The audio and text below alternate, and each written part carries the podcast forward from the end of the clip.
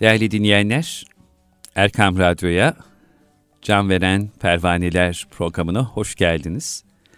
Hepinizi en kalbi duygularla canı gönülden selamlıyoruz. Divan şiirini, divan edebiyatını sevdiren adam, kıymetli hocam, Hayati İnanç Bey ile birlikteyiz. Hocam hoş geldiniz, safalar hoş getirdiniz. Merhaba, efendim. ehlen ve sehlen. Merhabalar. Hocam, e, bugünkü programımızda Müslümanın kalbi hayatını konuşsak diyorum. Olur. Bir kalbi ne mamur eder? Kalbin açlığı nedir? Ee, Japonlar depresyonu ruh üşümesi olarak tarif ediyorlarmış. Ruh üşümesi. Evet. Güzel. Bugün toplumumuzda, cemiyetimizde en çok şahit olduğumuz hadiselerden bir tanesi insanların ruh yorgunluğundan, gönül yorgunluğundan den vurmaları, müşteki olmaları. Peki bu ruh yorgunluğuna, gönül yorgunluğuna çare nedir? Ee, siz bu noktada neler tavsiye edersiniz diyerek söze başlasak Olur. bugün can veren pervanelerde. Şimdi aklıma siz soruyu sorarken gelen iki isim Diyarbakırlı Sayit Paşa ile Yozgatlı Sayit Fenli ikisi de Sayit oldu. İkisinin de çünkü çok esaslı birer manzumesi var. Yani bugünlerde gelişim dediğimiz hani efendim insanların daha mutlu, daha verimli, Daha müreffeh. müreffeh yaşanması, huzurlu olması filan, ruh üşümesinden Japonların deyişiyle uzak kalabilmesi manasında, stresten uzak kalabilmesi manasında nasihatlar içeren, yol göstermeler içeren bir birer manzumesi var. Biri 77 mısra Fenni merhumun, biri de 55 mısra Diyarbakırlı Sayit Paşa merhumun. Dediğim gibi ikisinin de adı Sayit. Önce Sayit Paşa'dan bir kıta okuyayım. Lütfen. Şu meşhur üzerinde çok durduğumuz adamlardan biri Süleyman Nazif'in babasıdır. Sayit Paşa, Diyarbakırlı Sayit Paşa çok güçlü bir entelektüel, mutasavvuf şairimiz. Üst düzey bürokrat. Yani bugün de müsteşar yardımcılığına filan tekabül eden bir pozisyonu var Osmanlı'da. 1890'larda vefat etmiş. Diyor ki, sen usandırma ile ilde usandırmaz seni. Hilekarlık eyleme kimse dolandırmaz seni. Desti adadan soğuk su içme kandırmaz seni. Korkma düşmenden ki ateş olsa yandırmaz seni. Müstakim ol Hazreti Allah utandırmaz seni. Gırrelenmez ruzi ikbalin görüp ehli hıret. Her günü bir kadrider takip her septi ahad. Seyli mevt ettikte berbat ömrü baht etmez medet. Pek de ateş meşrep olma. Hak olur bir gün ceset. Müstakim ol Hazreti Allah utandırmaz seni. Tamamı 11 kıta olan şiirin iki kıtasını okumuş olduk. Günümüz Türkçesiyle izahına geçelim. İnşallah. Şimdi diyor ki Said Paşa'mız. Sen usandırma ili. İl de usandırmaz seni. Usandırmak fiilini burada şu manada kullanmış. İnsanlara zarar verme, bezdirme, üzme onları. Seni de üzen olmaz. Yani demek istediği şu. Nasıl davranırsan insanlara öyle muamele görürsün. Ektiğini biçersin.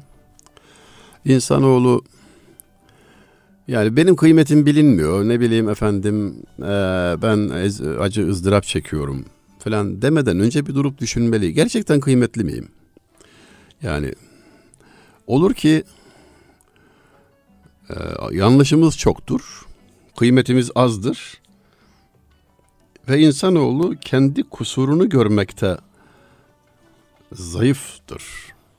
Göz her şeyi görmek üzere yaratıldı. Yani görüyor ama kendini görmüyor. İnsanın kemali noksanını görmesindedir. Görebilmesindedir. İnsanın kemali noksanını görebilmesindedir. Görebilmesindedir. Bu ne kadar artarsa, bu konuda ne kadar başarılı olursa o kadar iyi olur insan. Şöyle bir şey anlatılır. İki mürit birlikte yaşıyorlar. Aynı şeyhe tabi iki mürit. Manevi terbiye için oradalar. Yani şeyhe niye intisap edilir? Adam olmak için. Yabani armuttan ehli lezzetli armut husuyla gelsin diye. Kütükten mobilya asıl olsun diye. Yoksa kendi haliyle insan çiğ, acı, hakikaten kekre yani ham. ham. Yani çekilir şey değil ya. Hani şeyhin müridi olan şefkati, merhameti var ya. Yani hakikaten bir de görüyor o çünkü yani onun kalp gözü açık. Çirkinlikleri görüyor. Buna rağmen ona şefkatle yaklaşıyor. Allah bütün kusurlarımızı biliyor, görüyor. Allah'ı niye seviyorsun diye sordular da adam cevap veriyor ya. Kusurumu diyor komşu bilmiyor, bağırıyor. Allah biliyor, örtüyor. yani başka sebep var mı diyor. Müritlerden biri kardeşini şikayet ediyor. Diyor ki efendim bana şöyle eziyet ediyor, böyle yapıyor, beni canımı acıtıyor falan filan. Hazret ona demiş ki gel sana bir hikaye anlatayım. Kirpiler soğukta üşümüşler de sonra kendi aralarında konuşmuşlar. Demişler ki ya ayrı ayrı olursak üşüyeceğiz, donacağız. Gelin birleşelim, birbirimizi ısıtırız. Evet, bir araya gelmişler tabii soğuktan daha az bir tesir oluyorlar böylece. Bir savunma oluyor, ısınma oluyor. E fakat kirpi bu, dikeni batıyor tabii yanındakine. Birisi demiş ki dikenin bana batıyor, canım acıyor. O da demiş ki senin diken de bana batıyor. yani şey demek istiyor ki e, sen de ona batıyorsun. Yani sen şikayet ediyorsun ama sen de ona batıyorsun. Onu da gör. Yani verdiğin ağırlığı da unutma. Sadece çektiğini söyleme yani. Egoist davranma. Sana da katlanılıyor. Ee, insan ağır bir yük yani. insan hakikaten katlanılması zor bir mahluk. Onun için kendi kusurunu görme zaten bizatihi eğitimin maksadı da o yani. Orada niye bulunur insan? Noksanını idrak için. Sen usandırma ili, il de usandırmaz seni. Hilekarlık eyleme kimse dolandırmaz seni. Şimdi burada şunu söylüyor Sayit Paşa'mız. Çok işiteceğimiz bir laf var. Mesleğimden ben ya, avukatlık mesleğinde çok örneğini gördüm. Ben iyi niyetliyim, beni dolandırıyorlar, beni kandırıyorlar. İşte efendim güvendim, güvenim suistimal edildi filan falan. İyi de yani acaba ne kadar haklısın? Örnek vereyim. Ya adama diyor güvendim diyor, ödünç para verdim diyor, ödemedi diyor ya, battım diyor falan. Şikayet ediyor. İyi de kitaba sünnete uydun mu bu işi yaparken? Çünkü Hazreti Peygamber senede bağlamanı işaret ediyor. Sünnettir. Şahitle hem de. Neden? Ya günaha sokma adamı ya. Şeytana uyup da başını belaya sokmasın. Sonra da sen sızlanıyorsun bak iyi niyetim suistimal edildi diye. Yani acaba bu sadece iyi niyet mi? Saflık yaptın, yanlış yaptın. Adamı günaha teşvik ettin. Yani Allah göstermesin bir de ahiretini mahvediyorsun adamın yani. Kayda geçirin diyor ya yazın diyor. Senet yapın diyor. Sünnettir yani ona uyun. Ki ayette geçiyor değil evet, mi Evet. Aldığınızı verdiğiniz. E, insan tabiatı muhakkak. bu. İnsanoğlu böyle bir mizaca sahip o halde günaha sebep olmak da ayrıca suçtur, kusurdur. Bir özel şirkette denetçilik yaptım ben. Bu denetçi kısmı müfettiş kısmı korkulan, soğuk karşılanan insanlardır. Bunu hep düşünürdük yani vazife icra ederken gittiğimiz yerde adam terliyor. Biz onu sorguya suale çekiyoruz. Allah bizim sualimizi kolay etsin. Bizi de sorguya çekecekler diye hep düşünürdüm. Efendim 15-20 gün kadar kaldık. O şirketin bütün faaliyetlerini efendim gördük. Rapor ettik. Hazırladığımız rapor 16 sayfa. Ee, amirimiz kurul başkanımız çok uyanık, tecrübeli ve ısrarlı bir kimseydi. Harf harf mütalaa ettikten sonra ince ince raporu bunu dört sayfaya özetlememi benden istedi. Özetledim. Onu da mütalaa ettik. Bunu bir sayfaya özetle dedi. Onu da yaptım. Sonra onu yarım sayfaya özetlememi istedi. Kullanışlı olsun diye. Onu da yaptım. O da amirin arz edecek çünkü. En son dedi ki bunu bir cümleyle özetle. 16 sayfalık raporu bir cümlede anlatacağız. Sen dedi edebiyatla meşgulsün dedi. Az sözle çok şey anlatırsın dedi. Şunu yap. Akşama kadar vazifem var. Bu dedi düşün dedi. Düşündüm ve akşamüstü şu raporla gittim. Tek cümle. Baba sözü. Babamdan işittiğim bir sözü yazdım. Malını meydanda bırakıp hırsızın başını belaya sokma. Alanı meydanda bırakıp hırsızın başını belaya sok. Kurul başkanım yarım saat kadar gülme krizi geçirdi. Mizahi anlatım sebebiyle ama gerçeğin ta kendisi. Suça teşvik ediyorsunuz yani aslında. Sonra da iyi niyetimden dolayı dolandırıldım da işte su istimal ed- e abi yol açtın ya. Yapma bunu yani. İnsanları teşvik etme. Hazreti Peygamber aleyhissalatü vesselam yanında bulunan bir hanımefendiyle yürürken duruyor, eshab-ı kirama dönüyor, benim zevcemdir, hanımımdır, nikahlımdır, izah ediyor. Annenizdir diyor evet. Annenizdir diyor. Ya Resulallah senden mi şüphe edeceğiz şeklinde suayla gelince yani şeytan damarlarınızda dolaşır diyor. İnsanoğlu hataya müsait yap, yapıda o yaratılışa sahip. O halde kapıyı kapalı tutmalı. Yani günaha, suça teşvik etmemeli. Sen usandırmaylı, elde usandırmaz seni. Hilekarlık eyleme, kimse dolandırmaz seni. O mısrağın öbür taraftan. Ya bir de sen hile yapmazsan sana hile seni dolandıran olmaz. Dikkatli ol. Düzgün ol, dürüst ol. Son tahlilde kazanır çünkü doğru davranan son tahlilde kazanır. Biraz baş ağrıyabilir, sıkıntı çekebilir, müşkilat olur. Olur ama uzun vadede kazanan o olur. Mühim olan kazancın helal, güzel, bereketli olmasıdır. Çok olması değil.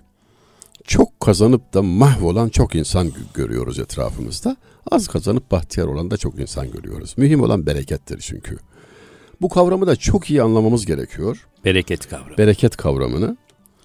Batı dillerinde bir karşılığı olmayan bir kelime bu. Bu mefhum olmadığı için karşılığı da yok. Yani bunu günümüz Türkçesine tercüme etmeye kalktılar. Bir yabancı bir, bir tercüme kitapta gördüm. Bolluk zihniyeti falan gibi bir şey söylediler ki gülünç yani mevzu anlaşılmadığı anlaşılıyor. Bereket çok bereketli bir kelime. Ve bu medeniyete mahsus bir değerdir. Onu anlamak, kavramak gerekiyor. Allah'ın kulu olduğu bilinciyle ulaşılabilecek bir kavram. Lezzetine varılabilecek bir değer. Desti adadan soğuk su içme kandırmaz seni.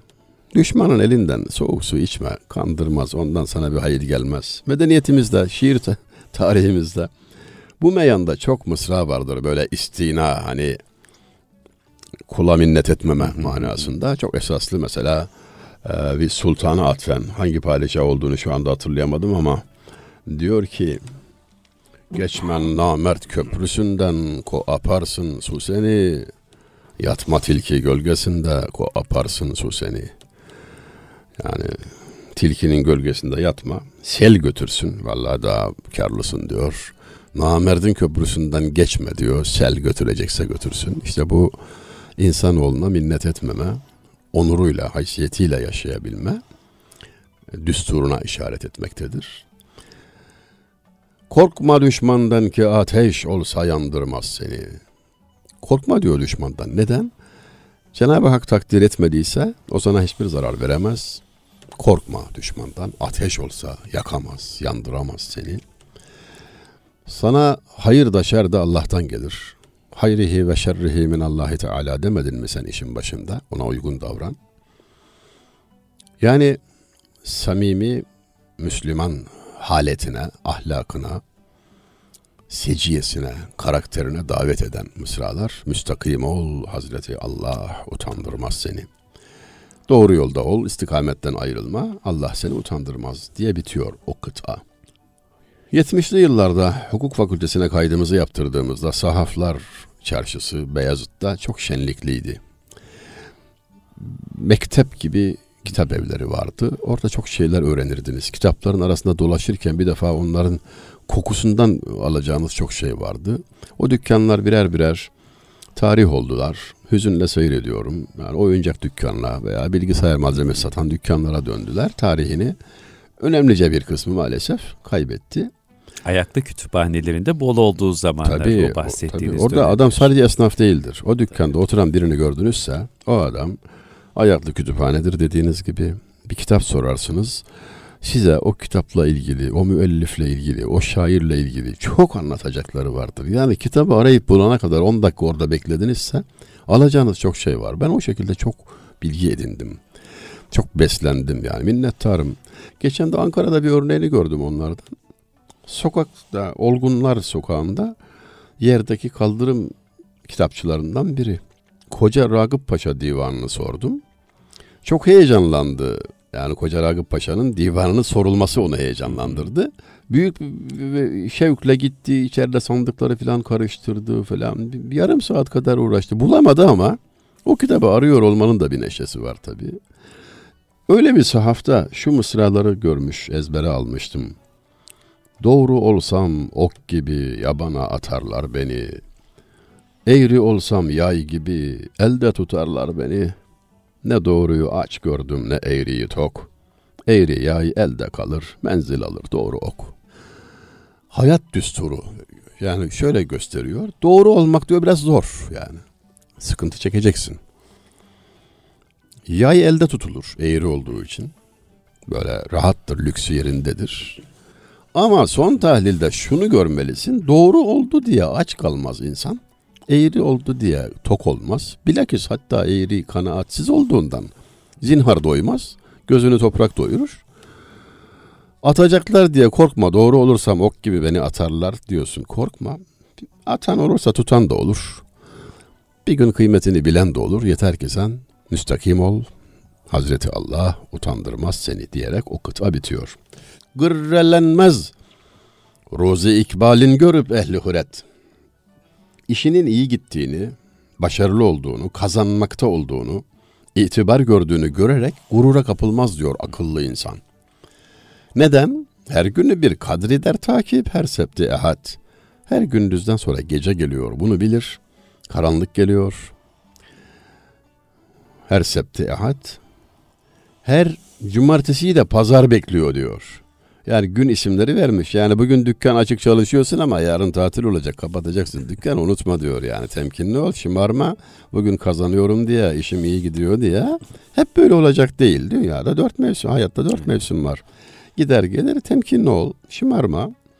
Makama çıktın diye de gaza gelme. inmek var. ineceksin. Herkes iniyor sen de ineceksin. Emanetçi olduğunu Emanetçi unutma. Emanetçi olduğunu unutma. Arifi ahval olan bir halete dil bağlamaz. İnkılab eyler. Zaman ikbal olur, idbar olur. Çıkışta var, inişte var. Yukarı gidiş var, aşağı dönüş var. Unutma diyor. İşte bu haleti kaybetmezse, şımarmazsa insan elbette huzurlu olacağı ortadadır. Zaten o makamı ve serveti veya her, her neyse kavuştuğu nimet onu bir hizmet fırsatı imkanı olarak gördüğü takdirde sahiplenmeyecektir. Böylece kaybedince de dert etmeyecektir.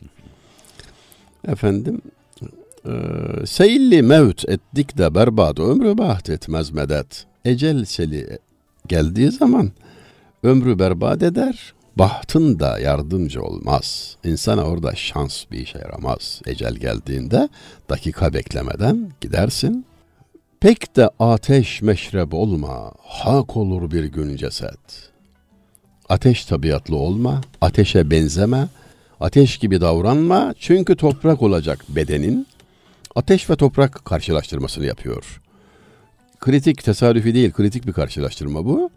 İnsanlık tarihinin başlangıcında topraktan Adem Aleyhisselam ve ateşten İblis farklı tavır gösterdiler. Bir iki birlendi, hatayı savundu filan falan. Bilindiği gibi tar dolundu, reddolundu.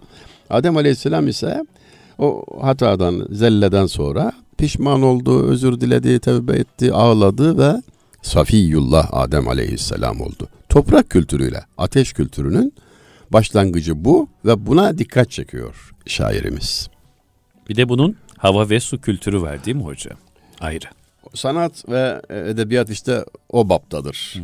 Yani doğruluk manasında istikamet, hareket tarzı ya ateş ya toprak. Yani ya gurur kibir yapar insan kendini mahveder ya da haddini bilir kul olduğunun idrakinde olur. Adem'e muttasıl ol ta ki cüda olmayasın. Secdeler eyle ki merdudu hüda olmayasın. Şeyh Galip'in dediği de aynı şey. Babana benze, baban gibi davran. Ayrı düşmemek için. Eğer secde emrine uymazsan başına iş gelir reddolursun. Melekler iblisin bu hataya düştüğünü görüp bir daha secde ettiler. İki secde farz oldu. Unutma secdeler eyle ki merdudu hüda olmayasın. Hava ve su dediğiniz aşıkane, derin, sanatın da menbaı olan, işte insan bu dördünün karışımı. Dört üstü dört olur mu safa cihanda kim merbuti çarmihi anasır bulunmuşuz. Şeyh Galip merhum diyor ki nasılsın diye soruyorsunuz. Dört dörtlük mutluluk ne mümkün dünyada dört zıt unsurun bir araya gelmesinden hasıl olmuşum. Ne mümkün huzur. Adı var kendi yok. evet. Öbür şairimiz yani bu meyanda aklıma gelen dediğim ya diğer Said, Mehmet Said Fenni Yozgatlı 1918 vefatı. Daha yani 1893 desek 94 desek arada bir 15-20 yıl var. Onun da 77 mısralık manzumesi bir manifesto mahiyetindedir. Mihenden kaçma ger mahsudi ihvan olmak istersen, Yetiş imdadı mazluma na arslan olmak istersen, Yapış bir kamilin destinden insan olmak istersen, Nebiyi efhamı medheyle hassan olmak istersen, Rıza babında bekle rahme şayan olmak istersen, sakın bir dideyi ağlatma handan olmak istersen, dokunma hatır mura Süleyman olmak istersen. 11 kıtadan birini okudum. Mihenden kaçma. Mihen mihnetler demek, sıkıntılar demek. Mihenden kaçma. Mahsudi ihvan olmak istersen. Kritik bir ifade. Mahsudi ihvan. Yani? İhvan ne demek olur? Kardeş. Ler. Çoğul. Evet. Mahsud hasetten, haset edilen. Kardeşleri tarafından haset edilen gibi olmak için mihnetten kaçma. Kimdir kardeşlerinin hasedine uğrayan? Hazreti Yusuf. Aa, şimdi bir mısrada verdiği özete bakın yani. Kardeşleri tarafından haset edildi, çekememezliğe uğradı ve kuyuya atıldı, hapse düştü, esir oldu, köle olarak satıldı falan falan falan. Sonra Mısır'a sultan oldu. Ve bu hikaye bize, bu büyük kıssaların en güzeli Ahsenül Kasas bize Kur'an-ı Kerim'de Allah tarafından uzun uzun anlatılıyor. Buna atıf yapıyor şiirinde. Burada ne ders alacağım? Vallahi diyor saadete ermek için çileye katlanmalısın. Mihenden kaçma ger mahsudu ihvan olmak istersen. Şimdi sıkıntıdan kaçar, rahatına düşkün olur ise insan ne olur? Balişi rahatta daim cahillü nadan yatur. Rahat döşekte, yastıkta cahiller, nadanlar, değersiz insanlar yatar diyor. Kamilin taş yastığınıp toprak döşenmektir işi. Kamil olan ise lükse, rahata düşkün olmaz. Mütevazı bir hayatı tercih eder, verilene razı olur. Çünkü taksim olunan rızka kendisine düşen hisseye razı olmak kemal mertebesidir. Ziya Paşa'nın dediği gibi. Rızkı maksuma kanaattır meali hikmetin. Gah hırsu nev şikar ile şikar elden gider. Hissene düşen paya razı olmak, hikmetin yüce mertebesidir. Gözünün önündeki avı, başka bir ava göz koyduğu için kaçıran, yeni avı da kaybeden çok insan gördüm. İnsanoğlunun tabiatı.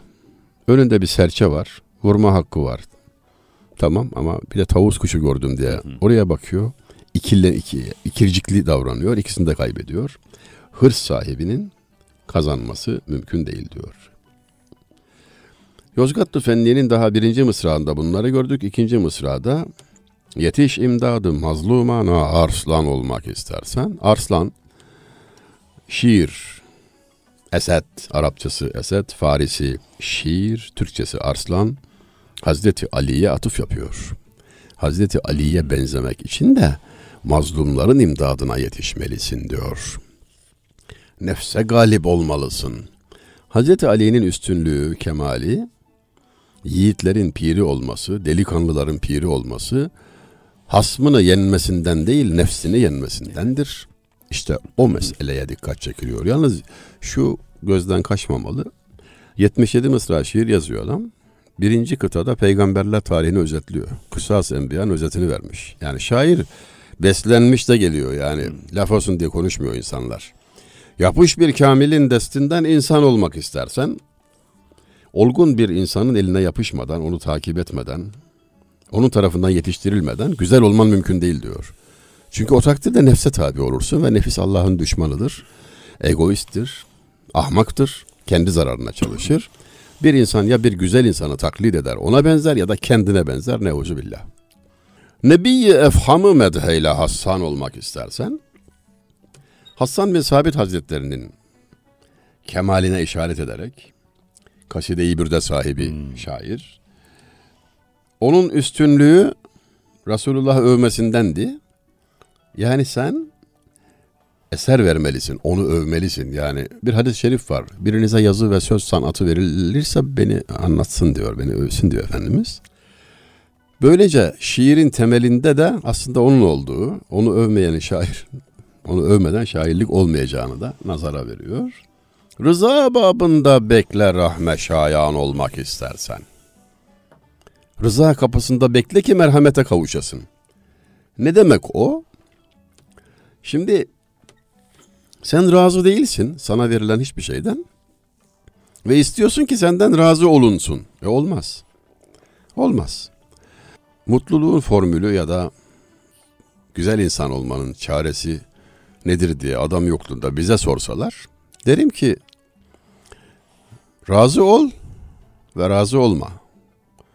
Kendinden razı ol ve yine kendinden razı olma. Çelişkili gibi görünebilir ama demek istediğimiz şudur. Sana verilenlerden razı ol. Şükret. Şükret. Evet. Boyun, yaşın, doğduğun memleket. Enin boyun kilon bilmem ne yani. Sana giydirilen elbise. Cenab-ı Hakk'ın sana takdir ettiği nafaka, rızık, yakışıklılık, sıhhat, ömür. Müdahil olmayacağın şeyler bunlar. Bunlardan razı ol. Ama senin yaptıkların, ameller, ilim tahsili, marifet tahsili, ondan da razı olma hiçbir beğenme kendini. Hep zayıf gör, hep yetersiz gör. Maddi hususlarda kendinden geride olana, manevi hususlarda da ileride olana bak, bahtiyar olursun diyor. Dikkat buyurulsun, insanoğlu her zaman bunun tersini yapar genellikle. Konu madde olunca kendisinden ileridekine bakar. Ucuza aldığı arabasına neşeyle binemez bile o yüzden pahalı arabaya iç geçirerek ağız tadıyla tarhana çorbasını içemez. Başkası havyar yiyor filan diye dert ettiği için. Ama maneviyat söz konusu olduğunda da tersine bir bakış sergiler. Ya biraz kusurumuz var işte namazda oruçta eksiğimiz oluyor ama hiç olmazsa hırsız değiliz falan. Cinayet işlemedik. Ya bir de işleseydim bari. Ma Halbuki tam tersi yapılmalı. Maneviyatta ya gayret ediyoruz biraz ibadetle meşgulüz ama ne insanlar Allah'ın ne kulları var onların karşısında biz kimiz ki filan diye. Maddiyatta ise araban zayıf olabilir, küçük olabilir, ucuz olabilir ama soğukta titreyen hocanı görmüyor musun? Okulda senin hocandı, emekli öğretmen tir tir titriyor. Yani insanoğlu ters bakar hep. Yani genel olarak buna işaret ediyor. Ve son iki mısrada da sakın bir dideyi ağlatma handan olmak istersen dokunma hatır Mura Süleyman olmak istersen kimseyi ağlatma ki sen de gülebilesin. Bahtiyar olmak için insanları bahtiyar etmelisin. Başkalarının felaketi üzerine saadet bina edemezsin. Ve şunu sakın unutma, karınca hatırını sormayı unutandan Süleyman olmaz. Süleyman peygamber ile karınca arasındaki muhavereyi yine Kur'an-ı Kerim'den iktibasla şiirine konu ediyor ve onu da Mısra'ya döküyor. Dediğimiz gibi bir kıtada kısası Enbiya'nın özetini vermiş, geçmiş. 1918'de ahirete gitmiş. Ama biz lisan zaafı sebebiyle kendi şairlerimizi tanımakta hep zorlanıyoruz. Evet. Şimdi hocam e, karınca dediniz e, sözün sonunda şöyle bir hadise anlatılır Kanuniye Sultan Süleyman'la Ebu Suud Efendi arasında. Evet. Lütfeder misiniz? Hani bu bir karıncanın hukukunu karınca, karınca koruma ner, adına. Nerede anılsa Süleyman yanında anılır. Evet. Şiirimizde bir gelenek o. Sayısız örneği vardır. Demin okuduğum beytte de geçti nitekim. Bu tesadüfi değil, Kur'an-ı Kerim'de bize anlatılan Süleyman Aleyhisselam kıssasından yola çıkılarak Hazreti Süleyman ihtişamın, büyüklüğün, azametin, devletin, şevketin sembolü. Karınca acizliğin, küçüklüğün, muhakkar olmanın, ayak altında olmanın, sembolü. İkisi yan yana getirilerek mesele ortaya konur. İşaret ettiğiniz hadisede de Kanuni merhum Topkapı Sarayı'nda ağaçlara musallat olan karınca sürülerinden bizar olur. Hakikaten artık dayanılmaz raddeye gelmiştir ve sorar öğrenir ki cevaz vardır. İşkence etmemek kaydıyla, yakmamak ve boğmamak kaydıyla zarar veren hayvanı itlaf etmek mümkündür, caizdir. Buna izin var, fetva var. Bu kadarını duyar ama bir fetvaya bağlamak ister. Ebu Suud Efendi'ye de bunu şiirle sorar. Kendisi şair olduğu için divanı sor, var. Sor, sorma usulü. 3400 gazelli bir divan hem de. Osmanlı tarihinde Balıkesirli zati olmasaydı gazel sayısında birincimiz Kanuni merhum idi. Onu geçen tek şair biliyoruz. O da Balıkesirli zati. 3400 gazel iyi anlaşılmalı. Yedişer beyitten 22 bin küsur beyit demektir. 44 bin küsur mısra demektir. Ve divanın yarısı gazellerdir. Bunun dışında da nazım türleri var. Yani aşağı yukarı 80 bin mısralık bir külliyatın sahibi şairden bahsediyoruz. Fetva sorma işini de şiirle yapar. İki mısra gönderir. Dırahta gerziyan etse karınca, zarar var mı karıncayı kırınca? Ağaca zarar verse karınca, onu kırmakta zarar var mı, izin var mı falan soruyor. Cevap şöyle gelir Ebu Suud Efendi'den, o da şiirle, usule uyarak cevap verir. Yarın hakkın divanına varınca Süleyman'dan hakkın alır karınca. Şimdi bu soruya caizdir cevabını vermek kolay. Esasen caiz. Aslına bakarsanız soran da biliyor zaten caiz oldu. O kadarını o kadarını biz de biliyoruz. Ama verdiği cevap şu. Caizdir de sultanım, izin vardır da hesaba çekilirsin ama. Şimdi incelik şurada. Bu dünyanın haramında azap var, helalinde hesap. Yani helal diye, caiz diye hesabın dışında değil.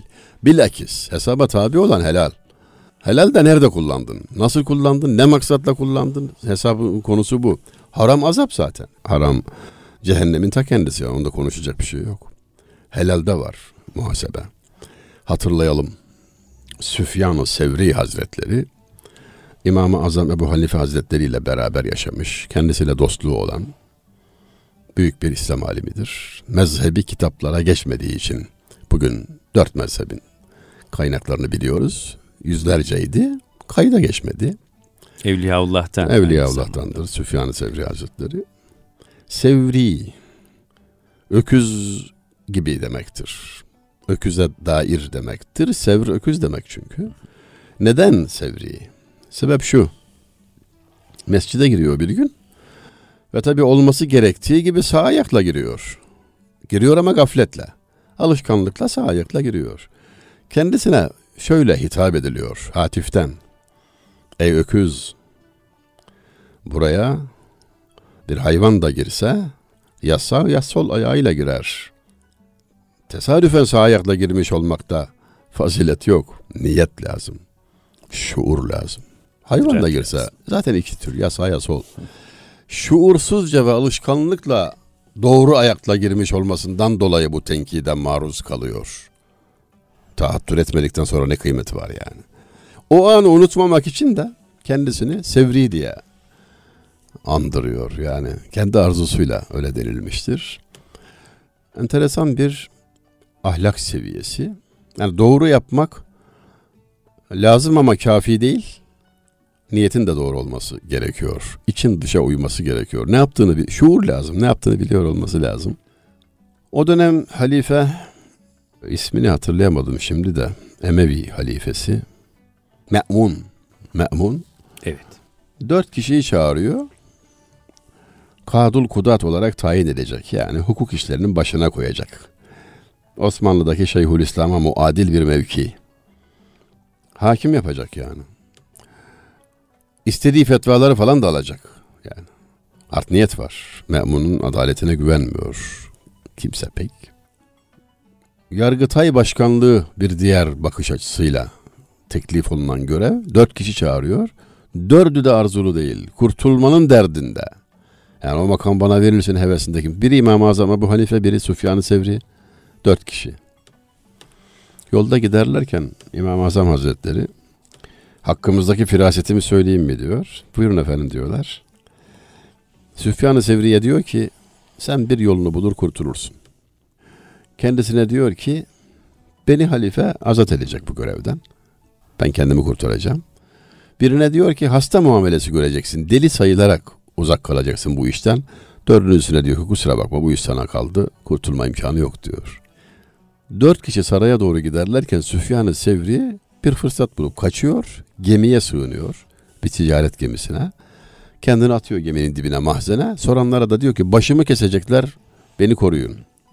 Canım tehlikede diyor. Bu sözü hadis-i şerife uygun. Kadı olmak bıçaksız kesilmektir hadis-i şerifine uygun. Onu kastediyor. İyi mecazen başım kesilecek. Acıyorlar ve muhafaza ediyorlar.